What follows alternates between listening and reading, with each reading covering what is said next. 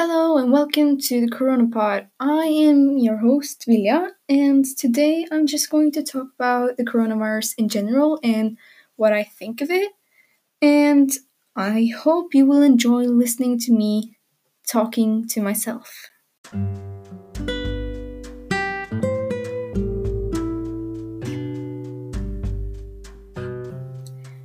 So, the first thing that I want to talk about is what this virus is, where it's from, the symptoms, and when and where it was discovered, and where in the world situation is the worst right now. So, this virus, this coronavirus, there are several coronaviruses, but the one that I will be talking about in this podcast is called SARS CoV 2. And the disease that you get when you are infected by SARS CoV 2 is called COVID 19. 19 is because the virus was discovered in 2019, and so it's uh, it was discovered in the middle of December. So it's a very new virus, and we don't have any proper medications for it yet or vaccines. But doctors and scientists all across the world are trying to find something now. But as I am playing, recording this, uh, there are none. The symptoms you get when you get COVID 19 are similar to having the flu. You get breathing problems, but you have you cough lots and you get a fever. And another kind of weird symptom, uh, I don't know why it is a symptom, but you your tasting senses become worse, so you don't taste things that things that well, and that's kind of weird. Uh, I don't know why that's a symptom, why it has to do with this disease, but it is. Um, um, but something that's a little problematic about this disease is that most people don't get really bad symptoms. They it's more like if they catch the cold, so they might have a mild cough, but not really anything bad, and that causes them to believe that they are healthy, not really sick and then they go to work and school and stuff and then they can affect a lot of people. This disease this virus was first discovered in a city in china called wuhan and it's believed that it came from illegal wet markets there. Wet markets are markets where they say they they sell they sell uh, wild animals and living animals and also dead animals but like bats and cats and dogs and fish and hen and other animals. And those animals are kept in really bad condition. They are kept in small cages really close to each other. They don't have any space to move. And that's uh, the perfect place for a virus to spread from animal to animal, and also the perfect place for viruses to transfer from animals to human. And that's the case with SARS CoV 2. It came from an animal and transferred to humans. And those humans, they infected other humans who they traveled inside China and out of China and they infected a lot of people who infected a lot of people and that's the reason that uh, COVID-19 and SARS-CoV-2 spread so rapidly. Uh, within a couple of months after it was first discovered, SARS-CoV-2 was all over the world. So that's it spreads very quickly and it's very easy to infect people and there that there's a period of time between when you get infected and you actually become sick and that's that period is on like uh, five to six days but it can be like two weeks also and that makes it really hard to know if you are infected and you can still in that period of time so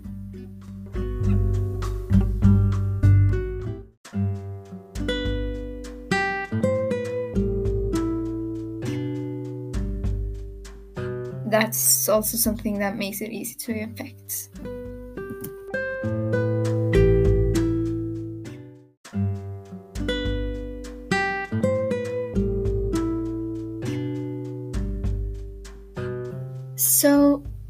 Obviously, the situation was the worst in China in the beginning because that's the country where the the new coronavirus was discovered. But um, after time and very strict restrictions in China, it's like the cases and death numbers went down, so the situation is better there now. However, there it's still like um, in many other countries they are struggling and a few of those countries where they are struggling the most is the US and Italy.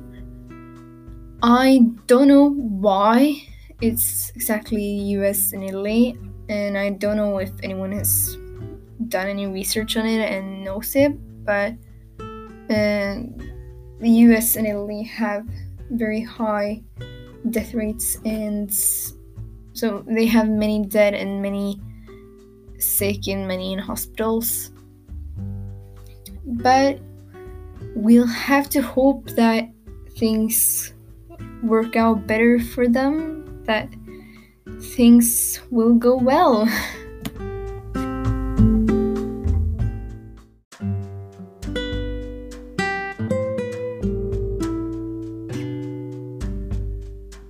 this disease it's worse for elderly people and people with underlying diseases and stuff like cancer and people with lung problems because this virus attacks the lungs and the area around the lungs and the heart and people with very bad immune system. Those are at high risk to become very sick with this virus um, young people are at a lot lower risk of becoming terminally ill. They don't usually become that sick if they are healthy when they got infected, before they got infected. If they are very healthy young people, then you they aren't at such a high risk of becoming infected. But people with underlying diseases, bad immune system, and lung problems and elderly elderly people, they are at high risk of becoming very sick. And that's why I think people should really stay at home, follow the rules, and this brings me on to the next thing that I want to talk about, and that's what annoys me and provokes me about this virus because that's several things.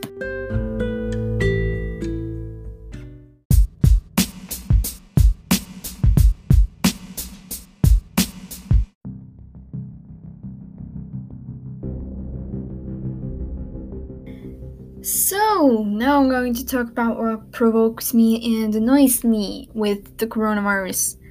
And what I just want to say first is that I think the coronavirus sucks. To be all honest with you, it sucks.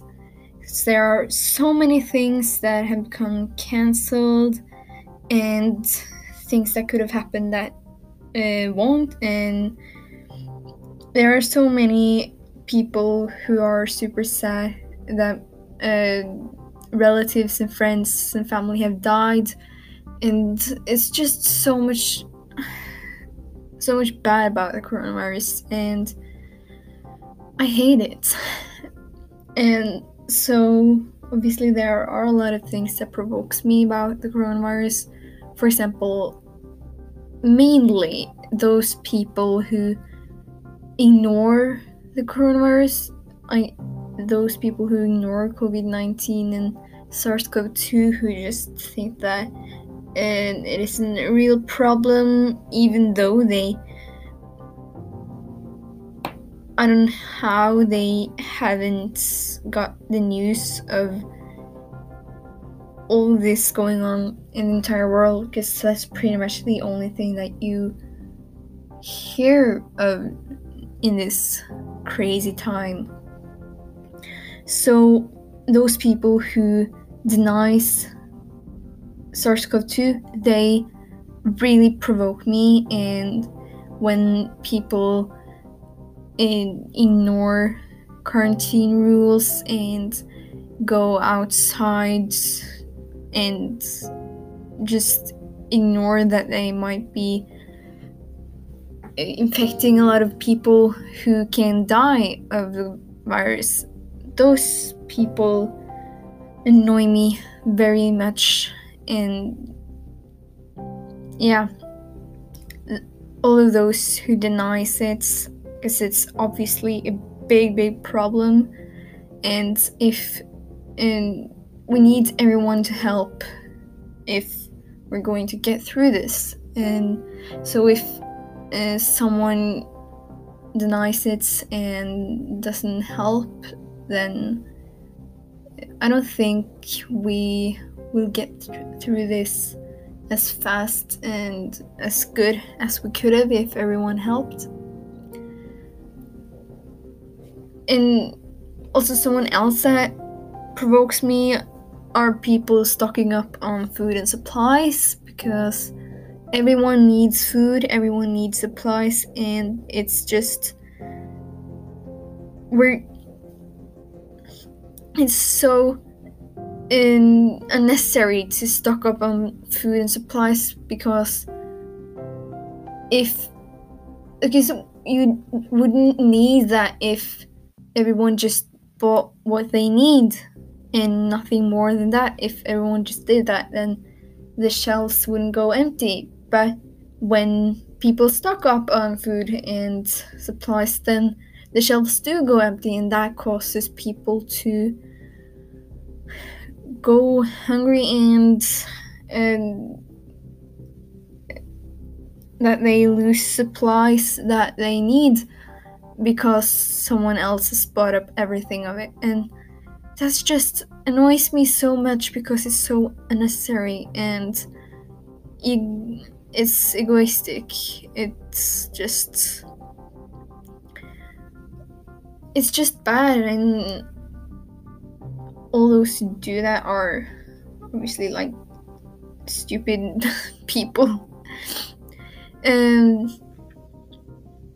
yeah but I also think that there are good sides about the coronavirus. I'm not really. I, I think I did sound quite pessimistic, but I am actually a little optimistic. I think that the coronavirus situation brings out good in people. For example, that a lot of people show solidarity and donating money and equipment to those who need it and those who applaud the workers at hospitals and employees at um, grocery shops and stuff those who keep the society going. And i think that's a good idea that uh, this situation opens people's eyes for all those who were kind of hidden before, but those who are really important people in society. And I think that's really good. And I think that if everyone just helps each other and stays positive and if we just focus more on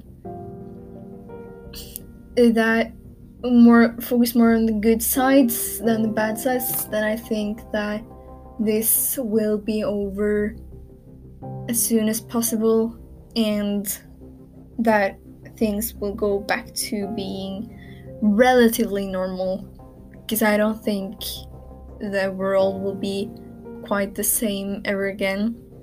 I think there will definitely be differences. Maybe that um, people will be more careful and aware of those small symptoms, sneezes and stuff that, um, and stuff like that, that people might be more aware of the small uh, symptoms, as I said. And um, so and that might be the outcome of the coronavirus as I think of it. That it's relatively normal, but we're more aware of sickness and uh, isolating yourself when we are sick. And then I obviously hope that the doctors and scientists across the world will find vaccines and or medications so that the coronavirus will sort of lose that um, uh, scary, not scary, but uncertain uh, thing that we don't have, we don't really know how to cure it properly. And so I hope that, I do believe that that will disappear and I'm looking forward there is a vaccine. Um but so like in general I'm pretty optimistic actually. Uh, I'm a little uncertain about the future, but I try to stay as positive as I can because I think that if you are always pessimistic, then you will begin to think negatively all the time. And I don't want to be a negative person, so I'm staying positive and optimistic, and I believe that this will turn out good and hopefully the world will turn out better a better place after this is over that might not happen but it would be nice